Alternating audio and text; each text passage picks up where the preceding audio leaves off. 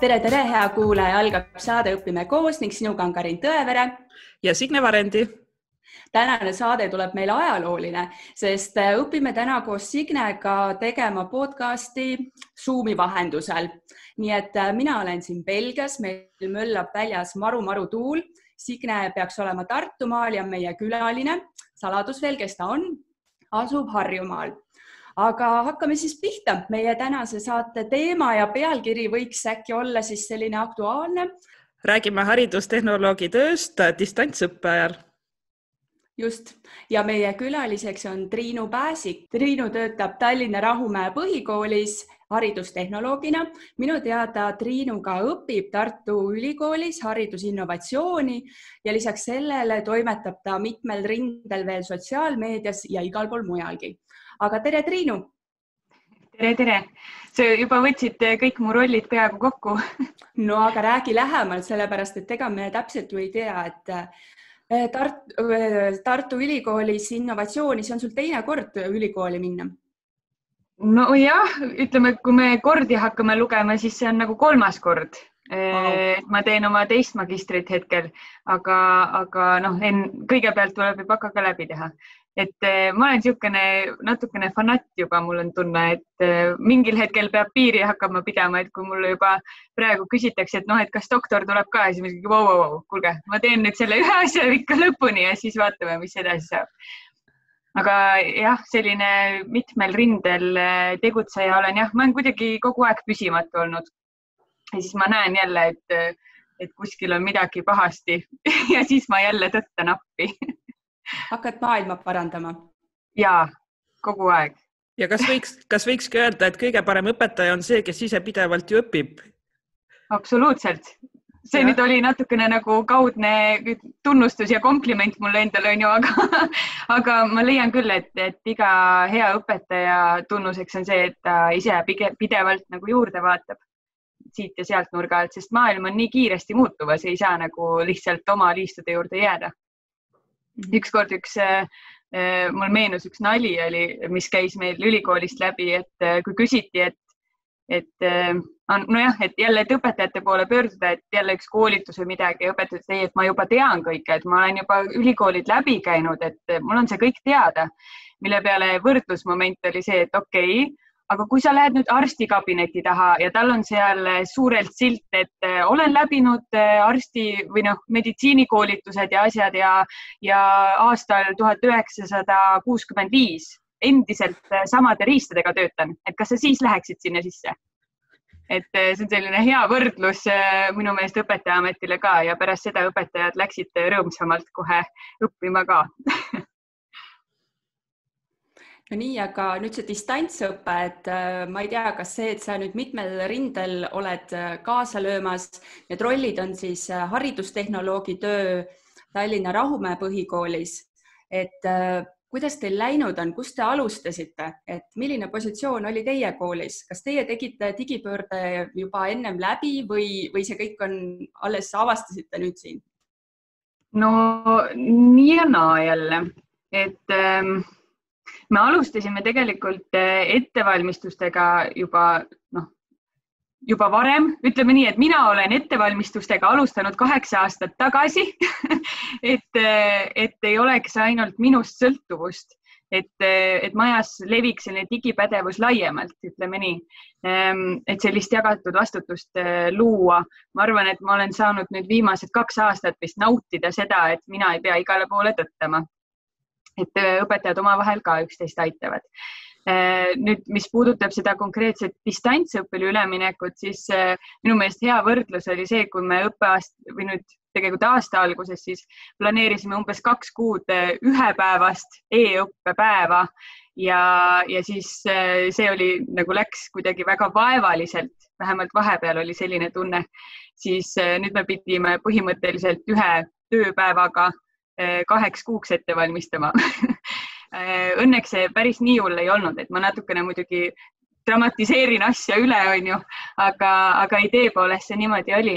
Ja, ja me läksime kohe sellise teadmise ja otsusega, et eh, õpiväljundid kui sellised on tegelikult teisejärgulised, et meil on vaja hoida inimesi, meil on vaja üksteise jaoks olemas olla ja, ja õpikute läbimine või mingisugused tulemused ei ole niivõrd äh, tähtsad, et äh, see kaks kuud tegelikult ei, mis ütleme üheksa aasta valguses, kui me võtame üldharidust äh, põhikoolis just, et see kaks kuud ei ole mingit, noh, seal ei ole mingisugust märgatavat vahet. Küll aga ma usun, et sellel on märgatav vahe just nimelt õpilaste sellisele digipädevustele üldiselt ja aja planeerimine ja vastutustunne võib-olla, et need on palju olulisema tähtsusega kui see, kas ma oskan matemaatikas korrutada või mitte. noh, selle kahe, kahe kuu raames, mitte maailmas üldiselt muidugi. kas sina oled siis haridustehnoloogina töötanud kaheksa aastat? Just. no kogemuste pagas on sul siis, ma arvan, päris suur ja lai, et äh, mina jõudsin töötada ainult äh, aasta haridustehnoloogina ja hetkel olen juba teist aastat äh, lapsega kodus, et et ma tean väga hästi, kui tähtsid, tähtsad on sellised kollektiivi koolitamised, individuaalsed toetamised õpetajalt õpetajale, nutivahetunnid, kõik, kõik see, mida sina oled siis juba pikalt teinud. et äh, oskad sa kirjeldada, et mis siis konkreetselt sinu töös muutus, et kuidas sa nüüd haridustehnoloogina siis oma õpetajaid kodus toetad? ma kohe alguses sain aru, et äh, et kui hakkasid mulle kõned tulema, et mis ma nüüd teen või mis ma nüüd teen, et need äh, küsimused olid üsna sarnased. Ja siis ähm, mul ei ole nagu mõtet äh, ainult ühekaupa neid, äh, seda teenust pakkuda nii-öelda. Ja siis me tegime Hangoutsi chati, ongi digitugi on selle pealkiri, kõik õpetajad on sinna lisatud. Ja selle eelis on minu meelest see, et kui üks küsib, siis saavad kohe ka vastuse paljud teised ja võib-olla osad neist ei olegi veel sellesama mureni jõudnud, aga nad teavad, et aa, vot ta küsis, ta vastas, et midagi jääb meelde, tead kuskilt küsida. et eh, selline, selline, see osa on nagu hea ja, ja teiselt poolt, eh, kui mina nii kiiresti ei vasta, sest ma ei ole ju ka kogu aeg eh, kakskümmend neli H seal klienditeenindaja, et, et siis vastab keegi teine, kes on minust kiirem. nii et selles mõttes on sellist jagatud vastutust nagu rohkem ja nüüd mul on rohkem aega siis äh, tehagi näiteks äh, e-jagamisnurka, mis meil on taaselustatud või, või ähm, videojuhendeid või mingeid muid asju, et äh, selline suurem mahv on nagu teiste õlul juba, et see on vist kõige suurem selline edusamm mõnes mõttes, sest paljud sellised ähm, koolitused, mida ma tavatöös või tava, tavaolukorras siis nagu planeerisin, neid ma ei ole saanud teha siis, aga nüüd ma saan neid teha et, et see on hoopis teistmoodi nagu avanud mingeid võimalusi juurde kas sa kasutad ka näiteks äh, selliseid äh, HITSA tehtud äh, neid videoõpetusi, et HITSA on praegu hästi aktiivselt postitanud oma Youtube'i kanalisse erinevaid selliseid minikoolitusi, et kasutad sa ka teiste materjale? Absoluutselt. minu meelest see on üks äh, kõige parem asi üldse, et seda eestikeelset materjali nüüd nagu tuleb ka, et kui enne oli, et äh, palun vaata siin juhendit, sorry, et see on inglise keeles, et äh, siis on kvaliteetset eestikeelset materjali järjest tulemas ja, ja suunan küll teadlikult meelega ka juba sellepärast, et näidata, et inimesed teevad ägedaid asju. maailmas on palju rohkem põnevamat, kui me võib-olla ise igapäevaselt näeme. Aga kindlasti ju koolis on lisaks õpetajatele ka lapsed ja lapsevanemad, kelle digipädevused on väga-väga olulised praegusel hetkel. et äh, kuidas sa neid toetad, kas sa toetasid neid ka tavaolukorras ja, ja mis siis selles valdkonnas on muutunud mm? -hmm. no ütleme nii, et, et meil on koolis äh, sellist digipädevuste trenni äh, viiendas-kuuendas klassis arvutiõpetuse näol Ehm, ennem seda tehakse natukene, pärast seda tehakse võib-olla natukene rohkem. Ehm, aga, aga ütleme jah, sellist, ehm, me oleme nüüd teinud kaks aastat niimoodi, et mina läksin siis sellesama lennuga nagu justkui teise aastasse kaasa ja, ja mis on nagu hea, sellepärast et nüüd ma tean, mida kuues klass näiteks oskab juba või millega ta on juba kokku puutunud. et ähm, kui ma, kui sa küsisid, et kuidas on õpilaste digipädevused, siis mina, mina sain natukene nagu kergemalt hingata, et ma tean, et kuues klass on nagu chill mm. -hmm. et äh, paljud, kusjuures tavaõppes ka kasutasid seda võimalust juba, et äh, õpetaja, ma olen haige, ma olen kodus, aga ma tahaksin tunni kaasa teha ja siis palun väga ja rõõmuga, et äh, nad juba olid sellises faasis äh, olemas. seda mul varasematel aastatel pole olnud, aga sellel aastal päris, päris mitu korda. et, et ma oma laste pärast nagu ei muretsenud küll aga tuli selgelt välja esim-, noh, esimene klass väga selgelt, äh, sest nad alles ju alustasid üleüldse õppimist ja selline kodune õppimine on neile niikuinii raske, sest neil puudub ka harjumus seda teha sest meil esimeses klassis valdavalt äh, ülesandeid kodus tegemiseks ei jäeta ja üldse meil koolis oleme võtnud sellise hoiaku, et koduseid ülesandeid võiks olla vähem ja teadlikumalt siis neid anda. et ähm, aga digipädevuste osas ähm, mul on hea meel, et osad õpetajad ei läinud nii suure lennuga peale, kui ma alguses võib-olla kartsin. Äh, sest võib-olla arvasin õpetajatest natukene rohkem ja siis ma kartsin seda, et oo, nüüd see läheb nagu kaoseks. et ehm, see on nagu vastuoluline ka, sellepärast et minu kolleegid on väga-väga palju näidanud, et, et see on põnev ja nad suudavad ja mulle üks kolleeg isegi äh, kirjutas kirja, et kuule, et ma võtan nüüd sõnad tagasi, et vanale koerale õpetab ikka trikke küll. et äh, tänas ja, ja läheb edasi väga-väga enesekindlalt ja ägedalt. et äh, kui alguses meil õpetajad ise võib-olla ei olnud nii valmis e-tunde ja videojuhendeid tegema, siis pärast kolme-nelja nädalat on noh, see kvaliteet ühtedel, kes on juba alustanud ja siis need, kes ei alustanud kuskilt ja tegid alles selle stardi, et on hästi kiiresti läinud üles ja igasugused Zoom'id ja Formsid on selged ja mingid keskkonnad, millest ma pole kuulnudki. et hästi-hästi äh, põnevaks on läinud küll kas te mõtlesite välja ka mingisuguse sellise ühtse lahenduse või pigem ikkagi iga õpetaja pusis nii-öelda omaette ja siis pöördus sinu poole, kui abi vajas? Et, äh, et pakkusid sina ka mingi terviklahenduse, et sina võiksid oma tunnid läbi viia, noh, nii, nii, nii või neid asju kasutades? päris sellist äh, asja ei ole. Ehm, me püüame säilitada õpetaja autonoomsust ka. Ehm, me näitame, noh, see on nagu äh, toidulaua katmine on ju, et sa paned sinna palju rohkem asju, kui tegelikult sa võib-olla külaline soovib. et, ehm, et pigem näitasin, millised variandid on kuuendate klasside äh, aineõpetajatega me tegime niimoodi, et äh, proovisime äh, kaugõppe klassiruumi, et, et üks ja seesama koht õpilaste jaoks ja, ja erinevad aineõpetajad siis panid enda ülesandeid sinna ülesse. et see läks küll, levis natukene kaugemale ka, et, et kui terviklahendust näidata, siis see on üks variant ja mida hakati kasutama ka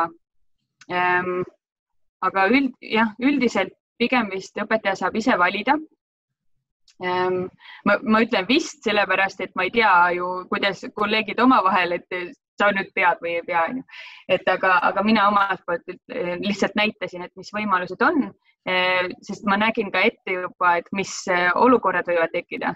näiteks kui õpetajal on viissada last, kelle töid ta peab emaili teel sorteerima hakkama, siis see on ebamõistlik igasuguses maailmas on see siis distantsõppe maailm või, või tavaõpe. et eh, siis küll selliseid nippe-trikke, et kuidas ennast säästa. et, eh, et seda oli küll küllaltki palju. no ja, aga digipädevuste kõrval nagu sa enne mainisid, on ka teised pädevused, äh, enesejuhtimine, motivatsioon, distsipliin, et äh, millised need keskkonnad kasvõi sotsiaalmeedias tulid appi õpetajatele, lapsevanematele ja ka lastele endale, et äh, kõige sellega toime tulla, mis see uus elu, uus olukord kaasa tõi? Noh, kas ma, kas see on nüüd see koht, kus ma ütlen, et ja, ma saad... tegin ühe grupi või? just, sa saad nüüd kiita seda, et äh, lisaks sellele, et koduõppe tehnoloogia abil olete loonud veel midagi. jah, see koduõppetehnoloogia abil oli hästi äge kiire lahendus Eesti Haridustehnoloogide Liidu algatusel minu teada. noh, siis pandi juba HITSA tuli ka appi ja, ja sai sellist kollektiivset äh, abi pakkuda ja, ja siis äh, mulle tundus, et see on hästi palju kreenis just sinna õpetajate poolele, et, äh, et õpetajad justkui tundus, et õpetajad justkui kogu aeg olnud mingisuguse halli vati sees ja nad ei tea, milliseid kõik ägedaid vahendeid on. paljus kindlasti ongi nii, aga ma nägin, et ka lapsevanemad on sellises nagu situatsioonis hästi ebamugavas olukorras et eh, mida ma nüüd pean tegema, kuidas ma nüüd pean eh, võtma selle rolli ja, ja mida, mis on õpetaja töö, mis on minu töö, kas mina olen nüüd õpetaja, et hästi tundus, et eh, hästi palju sellist segadust on tekkimas ja tekkinud ka selleks hetkeks juba. ja siis kuidagi sattus nii, et koos Anna ja, ja Mari-Liisiga sattusime sõna otseses mõttes kokku sotsiaalmeedias leidsime üksteist, et me, meil kuidagi hinges tiksub sama mure ja püüdsime sellele hea lahenduse leida. ja siis, eh, siis tegime ära koduse distantsõppe grupi, mis ongi eelkõige siis just eh, lastevanemate murede ja rõõmude kohaks. et aga see on selline natukene salakaval mõte ka sinna taha, sellepärast et seal on ju väga mõnus käia ja vaadata, millised on murekohad ja see on tegelikult väga hea info kogumise koht õpetajale, et näha, mis, mis meeldib, mis ei meeldi, mis valmistab raskusi, mis on okei okay.. et tegelikult seda tasub ära kasutada just nimelt natukene taustainfo kogumiseks.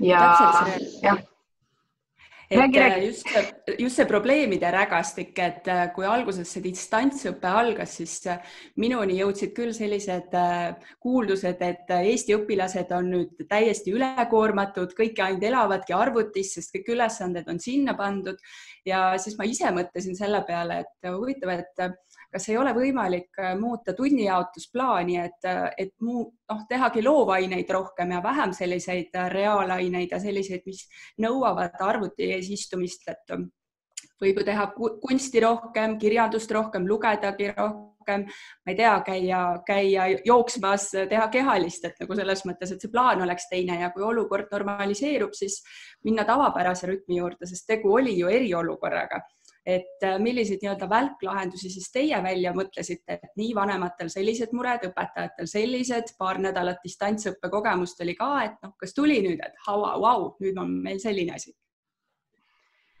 ma arvan, et see plaan oli kohe alguses meil kuidagi olemas, et ma arvan, et me, et ütleme nii, et äh, Rahumäe põhikoolis äh, me otsustasime kohe alguses, et me läheme nädalaplaanide peale.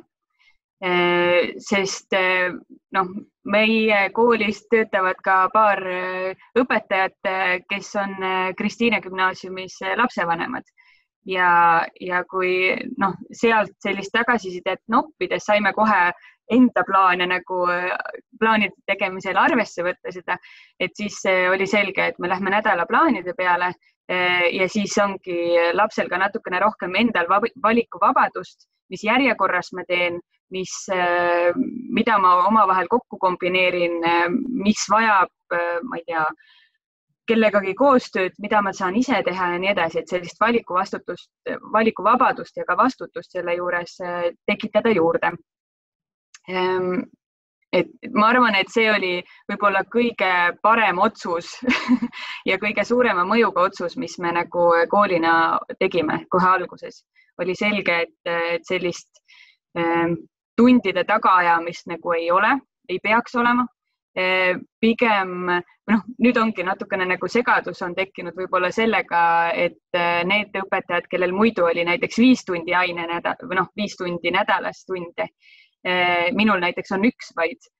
et ehm, kas ma siis nüüd arvestan seda oma ülesande planeerimisel, et mis mul on justkui tavaõppes või ma arvestan hoopis seda, et mis on õpiväljundid, mis on vaja saavutada ja vahet ei ole, et kas need saavutatakse ühe, kahe või, või viie tunniga. et see on juba iga õppija enda õppimise tempos kinni. et mina, ma pigem üritasin jätta enda ülesannete puhul näiteks rohkem aega. Ehm, et ta saaks aru üldse, mida ta tegema peab. ma nüüd ei tea, kas see töötab või mitte, sellepärast et, et võib-olla ta ikkagi võtab eh, kaks päeva või kaks tundi enne tähtaega selle asja lahti, aga siis see on juba tema vastutus. et, ehm, et sellist, ma arvan, et, et mis puudutab ekraaniaega, siis see oli küll ühel hetkel selgelt meil ka tõstatus, et vähendada seda Äh, palju rohkem ülesandeid äh, püüti teha siis niimoodi, et õpilane peaks selle tegema nii-öelda päriselus äh, ja siis sellest tulemusest näiteks hoopis pildi saatma või, või midagi sellist. et me ei kaotanud ära õpikuid ja töövihikuid. me ei läinud kogu digiõppematerjalile üle, aga me püüdsime selgelt seda kombineerida ja leida mingit tasakaalu ja rohkem neid võib-olla suunata liikuma, et kekad eh, tegid üsna alguses, et, et sinu ainukene ülesanne on päevas näiteks nelikümmend viis minutit liikuda. et eh, see ongi sinu ülesanne ja sa saad sellega eh, hästi palju tegelikult juurde anda ka perele, ma, kusjuures pered eh, on eh, andnud, osad on andnud ka tagasisidet peale kolme nädalat, et, eh, et see on nii hea võimalus, me teeme koos trenni ja käime seal, teeme seda, et kasutatakse õpilasele antud ülesandeid perega veetmiseks nagu ära, et see on justkui hea, hea ideede kogum ka, et mida kõike koos saab teha. tuleb leidlikult läheneda lihtsalt no teades sind kui leidlik ja nutikas äh, sa oled, siis äh, milliseid soovitusi sa teistele annad, et kuidas siis kohaneda sellega, et sa oled õpetaja, sul, ma tean, on kodus väike lasteaiaealine laps, kes on paras rüblik, eks ole, ja siis sa ise veel õpid ka, ma kujutan ette, et sul on ka distantsõpe, et kuidas sa kõikide nende rollidega toime tuled ja missuguseid soovitusi sa annad? kui ma päris ausalt ütlen, siis esimesed kolm nädalat oli kõige keerulisem. Ehm, ma nutsin päris mitu korda kohe ikka sügavalt ja südamest ehm,. oli ikka sellist breakdown'i ka, sest ehm, jah, mul on küll mitu rolli ja ma üritan ennast igale poole jagada, aga see on tavaolukorras ja siis ma suudan seda teha, sest ehm, ma teengi ühele, ühte asja siiski korraga, ühest rollist korraga. nüüd need kõik asjad tulid justkui katusena niimoodi pähe ja, ja seal ma ei, nii nagu ma ühes äh, artiklis või, või sellises äh, postituses ka kirjutasin, et this is not what I signed up for. et ma, ma ei teadnud sellest kõigest, kui ma need rollid endale võtsin. et äh, ma ei suuda kõike sada protsenti ja seda ma olen endale nüüd nii-öelda sisendanud, sest ma olen ka selline, et kui ma, kui ma midagi teen, siis ma tahan, et see oleks hästi tehtud ja nüüd ma ei saa seda teha, et see on võib-olla selline kõige suurem ka Äh, nipp, et äh, anda endale andeks, et äh, me ei suudagi kõike teha sada protsenti, aga, aga ma suudan seda teha üks asi korraga. nii et kui ma kirjutan, siis ma teen seda sada protsenti, kui ma olen ema, ma olen sada protsenti ema, et ühekaupa lihtsalt ära jaotada. Ja aja planeerimises ma arvan, et sellega on vist kogu ühiskond meil hädas. mulle tundub, et keegi, kõik, kõik, kõik räägivad samu nagu muresid, ei suuda, ei suuda tähtaegadest kinni pidada. ja see on puhtalt distsipliini ja, ja selline enda mugavustsoonist loksutamise koht. nii mugav on öelda, et noh, ma ei viitsi seda teha ja siis leiutada veel sada vabandust, miks ma ei pea seda tegema täna, nüüd et, et ma arvan jah, et see on rohkem selline enese, enesedistsipliini küsimus kui see, et me tegelikult ei suuda tähtaegadest kinni pidada. Ähm.... ma siinkohal saan sulle jagada ühte nippi, mida ma ise teen, et äh, mind aitab see, kui ma õhtul mõtlen välja, et milline mu järgmine päev on, et äh, asjad, mis ma tahaksin teha, asjad, mida ma pean tegema. Ja siis ma niimoodi laveerin seal, et kui ma ennem nagu eelmisel õhtul valmis panen oma mõtte, et nii, siis on kuidagi lihtsam järgmisele päevale järgmisesse päeva sukelduda.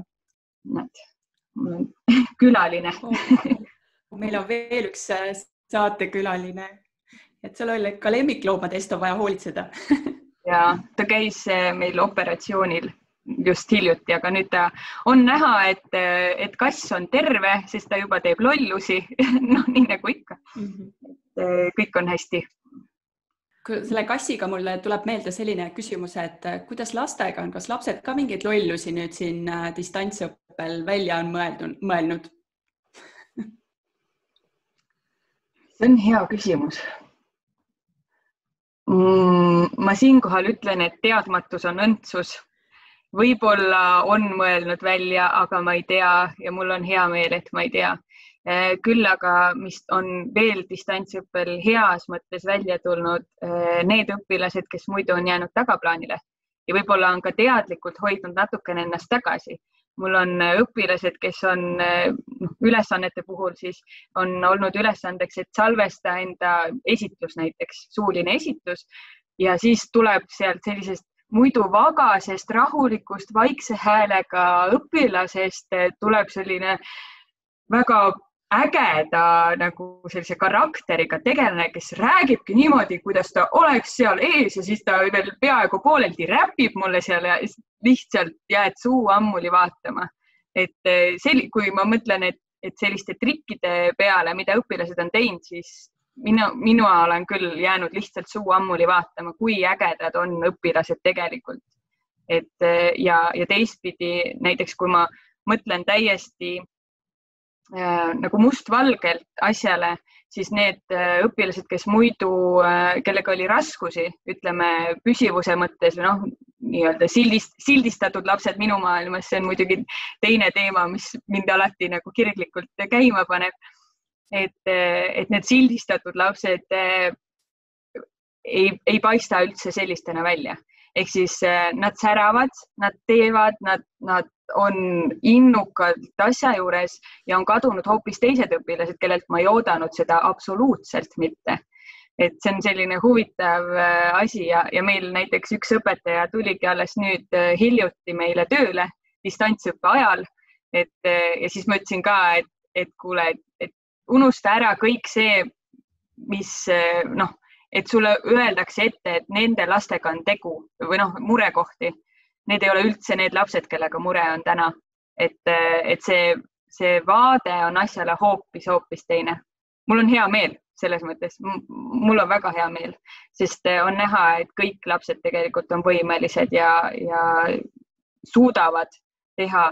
küsimus on lihtsalt keskkonnas ja võib-olla sellises omas tempos jällegi no kindlasti ongi olukord selline, kus siis äh, on lapsevanemaid ja lapsi, kes leiavad, et see hetkeolukord on hullumeelne, lõpeks juba ära ja läheks kõik tavapäraselt edasi ja siis vastupidi, need, kes siis äh, säravad ja paistavad silma ja, ja on õnnelikud, et saavad teistmoodi läheneda õppimisele, et, äh, et mina olen praegu lapsega kodune ja jään veel kaheks aastaks kindlasti, et mis sa ennustad, et milline on äh, siis Eesti hariduselu ja, ja see koolielu üldiselt äh, võib-olla siis kahe aasta pärast, viie aasta pärast, et mis me tänasest äh, kaasa võtame? oi, see on nii äge teema see on see, mille, mida ma tahaksin raputada kohe väga sügavalt ise ka, et ma lihtsalt ei looda, et äkki, äkki midagi muutub, aga ma natukene tahan ise ka samme teha selle jaoks, et see asi läheks nii mul on ennustus, ma ei tea, kas see nüüd kehtib eh, kahe, viie või kümne aasta peale, aga ma usun, et, et umbes selle vahemiku ajal selline suur haridussüsteem laguneb pisut. Sest on näha ju, see eriolukord minu meelest tõestas ülihästi, et, eh, et see, mida me ootame õpilastelt, analüüsioskus ja enesejuhtimine ja, ja kõik see, kõik, kõik et eh, seda praegune süsteem ei toeta. see tegelikult ei ole niimoodi, meil ei ole õppijast lähtuv eh, õpe, meil on õpetajast lähtuv õpe, kes loob illusiooni, et õpilane saab valida.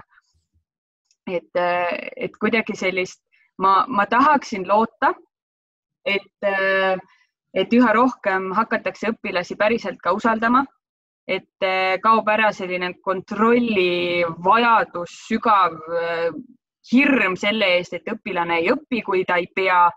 see on lollus. Eh, inimene õpib siis, kui tal on võimalus selleks ja kui tal on huvi selle jaoks.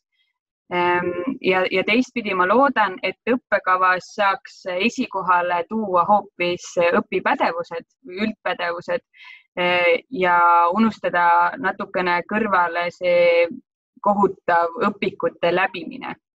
et ma pean eh, sinna kevadeks ikka kaanest kaaneni läbi käima, et me just loengu raames ka rääkisime sellest, kuidas võiks ju vaadata asju hoopis õpiväljundite kaudu et ma panen paika, mis on loogiline järjekord õpiväljunditele, mitte teemadele. See ja, ja ma arvan, et me suudame palju efektiivsemalt ajalise kokkuhoiu mõttes, palju efektiivsemalt tegelikult samad tulemused saavutada kui, kui praegu. et äh, ma usun, et see on muutumas, vähemalt ma tahaks loota, et see on muutumas ja, ja praegu jah, sellist sama süsteem mis äh, õpetas meie vanaemasid ja emasid nüüd eilse emadepäeva valguses, see, see õpp, nagu ütleme nii, et toodab samasuguseid õpilasi edaspidi ka, aga täiskasvanute maailm ja päriselu maailm vajab teistsuguse ettevalmistusega inimesi täna. et meil ei ole enam liinitöölisi, aga, või noh, on ka, aga, aga see ei ole see, mille jaoks kaksteist aastat koolis käia no, ja... aga kui me nüüd unistame natukene veel kaugemale, et, et sinu enda laps läheb kooli, et sa juba rääkisid, milline see tulevik võiks olla, et kas on veel midagi, mida sa veel rohkem äh, unistad, et milline on siis õppekorraldus või unistuste kool, kus sinu laps õppima hakkab? minu laps peaks minema kooli kahe aasta pärast umbes nii. ma kardan seda aega sest mul on tunne, et ma pean vist ise selle asja ära tegema. Ehm, ma ütleme nii, et äh, täna on Eestis hästi palju tegelikult selliseid koole juba, nii-öelda alternatiivkoole, äh, kuhu ma hea meele ja rõõmu ja usaldusega oma lapse paneks, aga nad on lihtsalt ebamugavas kohas meie pere jaoks. et, äh, et minu meelest üks väga äge näide on Võrumaal minu enda kursavenna Hendrik Noore äh, pärusmaa siis äh, Sännas leiutajate külakool. Äh, minu meelest tehakse väga ägedat asja, vähemalt kaugelt vaadates Lilleoru põhikool vist on ja, ja Kaia kool ja noh, ütleme selliseid väga ägedaid asju juba tehakse. nii et ähm, kui sa küsisid, et milline see kool olema peaks, siis ma arvan, et see ei peaks üldse olema kool kui selline Ehm, ma täna juba natukene seda on nii veider nüüd rääkida, sest see äkki siis saabki päriseks et eh, täna kombin natukene maad, et, eh, et kas oleks kogukonnas siin eh, Harjumaal, Saue kandis inimesi, kes oleksid huvitatud näiteks vabaõppekeskusest kui sellisest. et kuna koduõpe lapsevanema soovil on täiesti võimalik ja reaalne praegugi ja see tähendab seda, et kooli, noh, ütleme nii, et laps on kooli nimekirjas ja käib üks-kaks korda aastas äh, tõestamas nii-öelda, et ta on need õpiväljundid saavutatud, mm, saavutanud. Ehm, siis ütleme nii, et, et selle jaoks ei ole vaja kooli äh, sellisel kujul, nagu ta täna on. Äh, küll aga ma ei tahaks ära kaotada sotsiaalsest nagu poolest et, et lastele see on hädavajalik see on ka täiskasvanutele hädavajalik, nagu näha on eriolukorrast ka. et eh, sotsiaalne pool kindlasti peaks olema ja kui näiteks ongi selline vabaõppekeskus kui selline, kus lapsed on ametlikus mõttes siis koduõppel, eh, kus nad saavad üksteisega arvestades õppida, nii nagu eh, demokraatliku kooli tegelikult selline hästi hoitud saladus Ameerikas on Sudbury Valley, et umbes sarnases stiilis mingisugune asi, kus õpetajad ei ole õpetajad sellisel kujul, nagu me täna näeme, vaid pigem on sellised nagu ütleme, treenerid või, või coach'id, kes oskavad õigeid küsimusi küsida, et õpilasel või noh, lapsel siis, isegi ei ütleks õpilane enam, et eh, laps eh, saaks aru, et aa, okei okay,, nüüd ma tean, kust ma seda infot lähen otsima.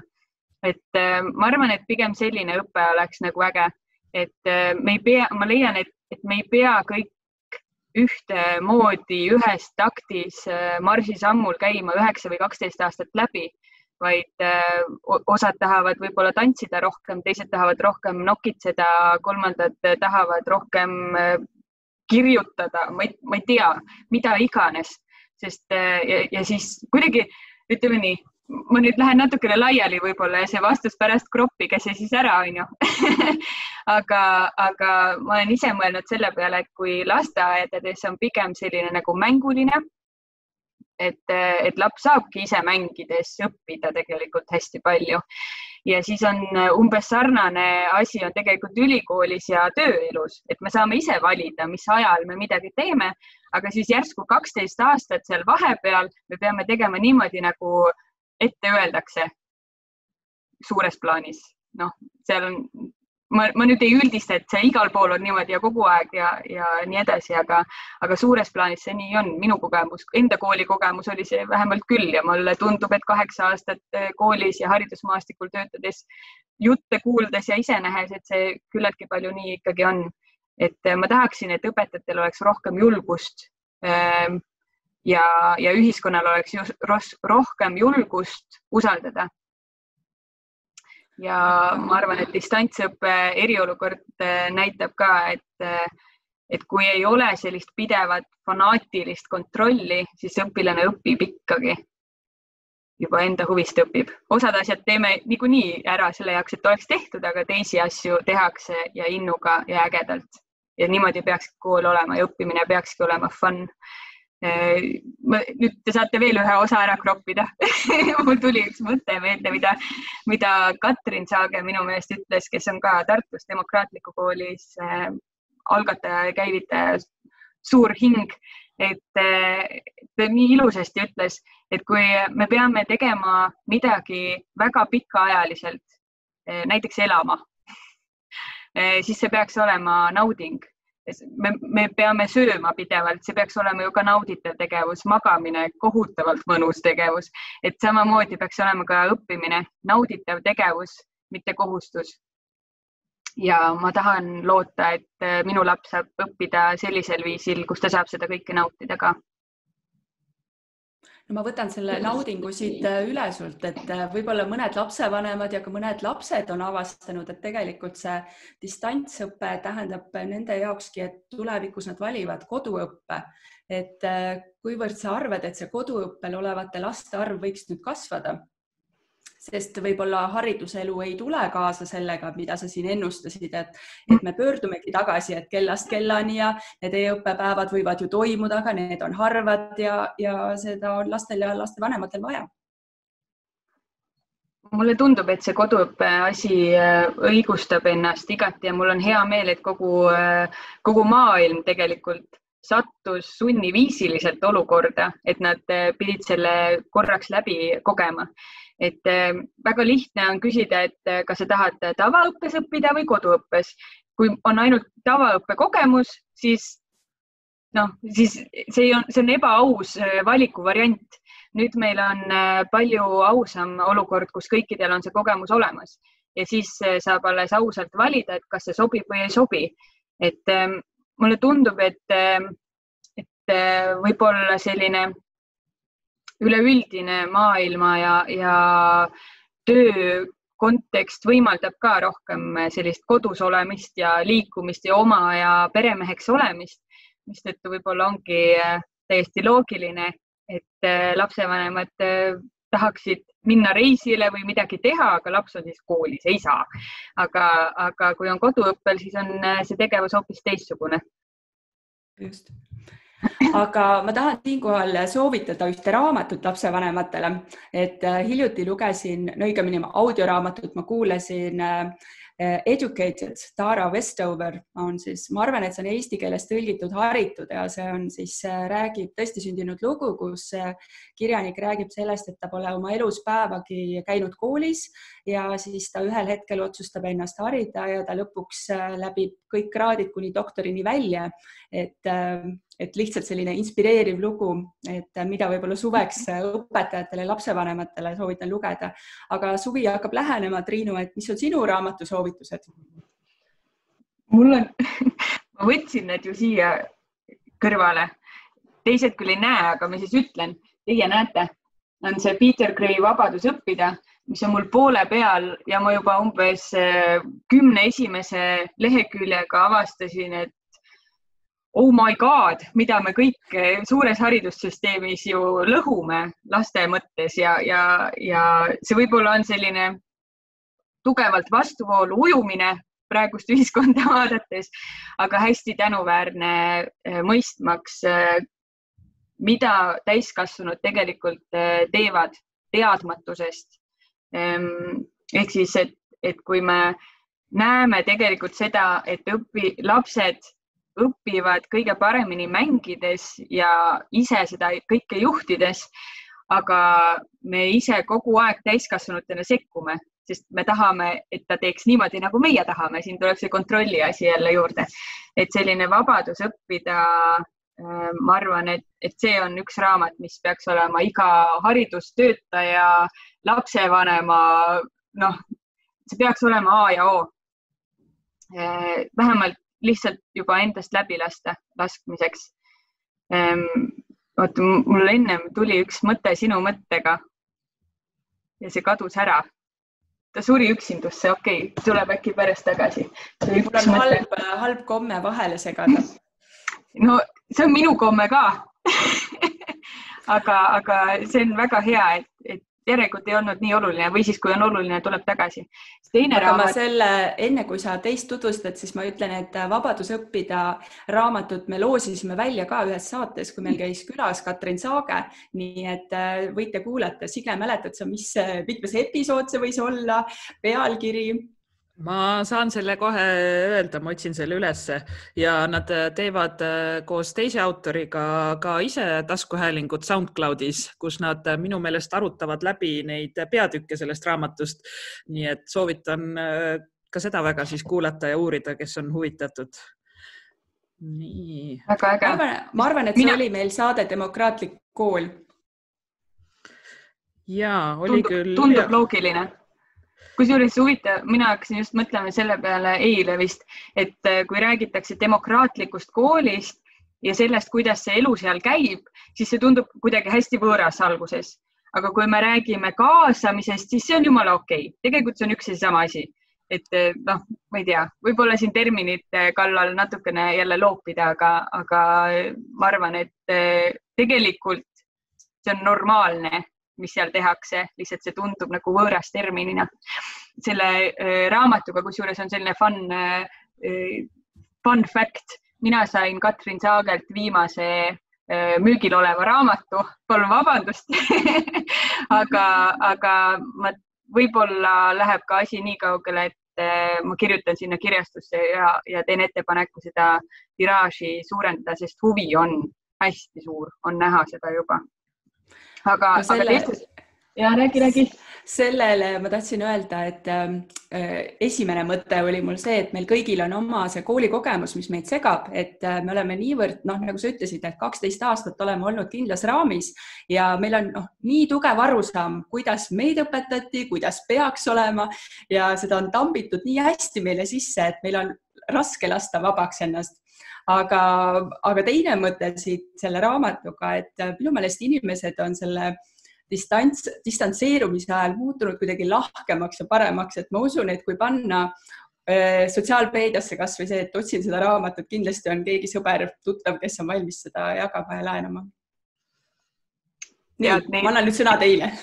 Neid ei ole väga palju, neid raamatuid see on äh, kulla väärtusega, see raamat. mul on kusjuures äh, niimoodi, et minu enda raamat on mu sõbranna käes ja see on mul hoopis laenutatud raamat. nii et äh, see on ka segadus, aga, aga mis teine selline minu enda mõttemaailma muutis, ma arvan, et umbes, noh, ongi umbes kaks, kaks-kolm aastat tagasi vist, kui mu kolleeg küsis, et, et kas sa seda mõtteviisi, Carol Dwecki mõtteviisi oled lugenud see on ähm, mõtteviis uutmoodi psühholoogia edu saavutamiseks. ja, ja siis noh, ei ole ju no ma ei ole eriline lugeja ja, ja see on üsna paks raamat. ja, ja jällegi tekkis täpselt samasugune efekt, et oh my god, see ongi ju päriselt nii, et, et me, me kas usume sellesse, et äh, kõik meie oskused on arendatavad või me paneme endale nagu iseendale paneme tegelikult selle posti ette, et oh, vot see ei ole minu jaoks. no võiks olla küll, ma võiksin matemaatikas olla ka palju äh, ütleme osavam kui ma seda teadlikumalt treeniksin, seda oli näha, ma siin meelega võtsin vahepeal näiteks asendustunde, matemaatikatunde, sest ma, ma tean, et noh, ma ei olnud kooli ajal nagu eriti särav kriit selles osas. Aga, aga ma võtsin meelega selle uuesti, et katsetada, et no nii, kas see nagu mõtteviisi värk toimib tegelikult või ei toimi. Ja ma läksin ise sinna matesse nii sügavalt sisse, et ma mõtlesin, et äkki peaks mateõpetajaks hoopis õppima. Ja, ja see toimis ainult nagu hästi-hästi lühikese aja jooksul. et ma arvan, et äh, selline uskumus, et, äh, et see on kõik võimalik.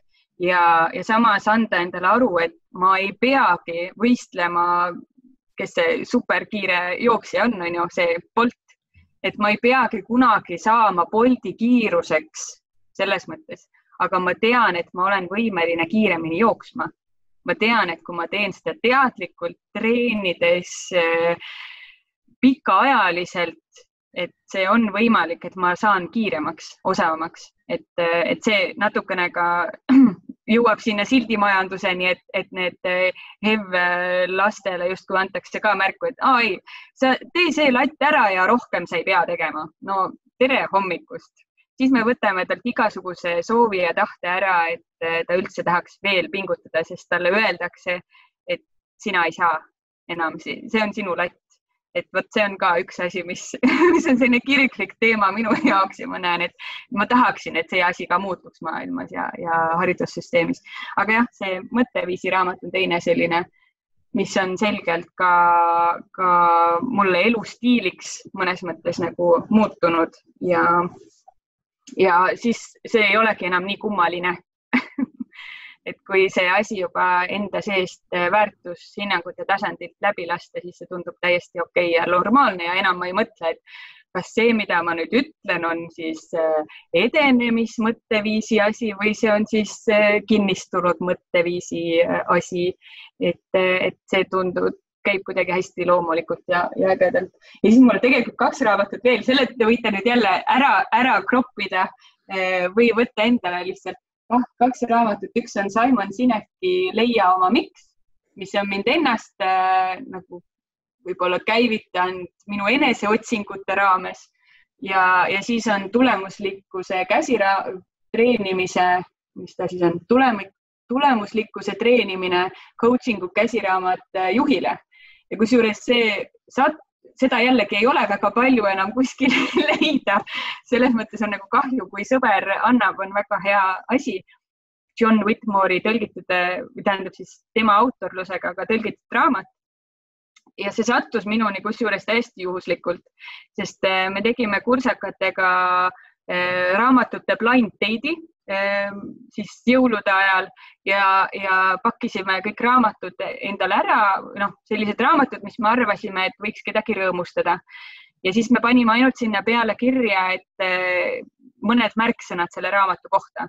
Ja see raamat tuli mulle ja see on, see on mul otsast lõpuni läbi töötatud, ära värvitud, see on nagu nii äge, et eh, see jõudis täpselt õigel ajal õigesse kohta ja ma usun, et, et meil on eludes väga palju seda, et jõuab täpselt siis, kui sa oled valmis. järelikult ma olin valmis siin sa tõestad järjekordselt seda, et äh, igaks asjaks on oma aeg, et äh, see koolisüsteem, mis meil on reglementeeritud tunnikella algusega, kõigile ei sobi, et võib-olla see distantsõpe ongi see, mis annab ka vabaduse nii-öelda valik, valikuid teha, kuna ma teen ja mis järjekorras ma neid teen.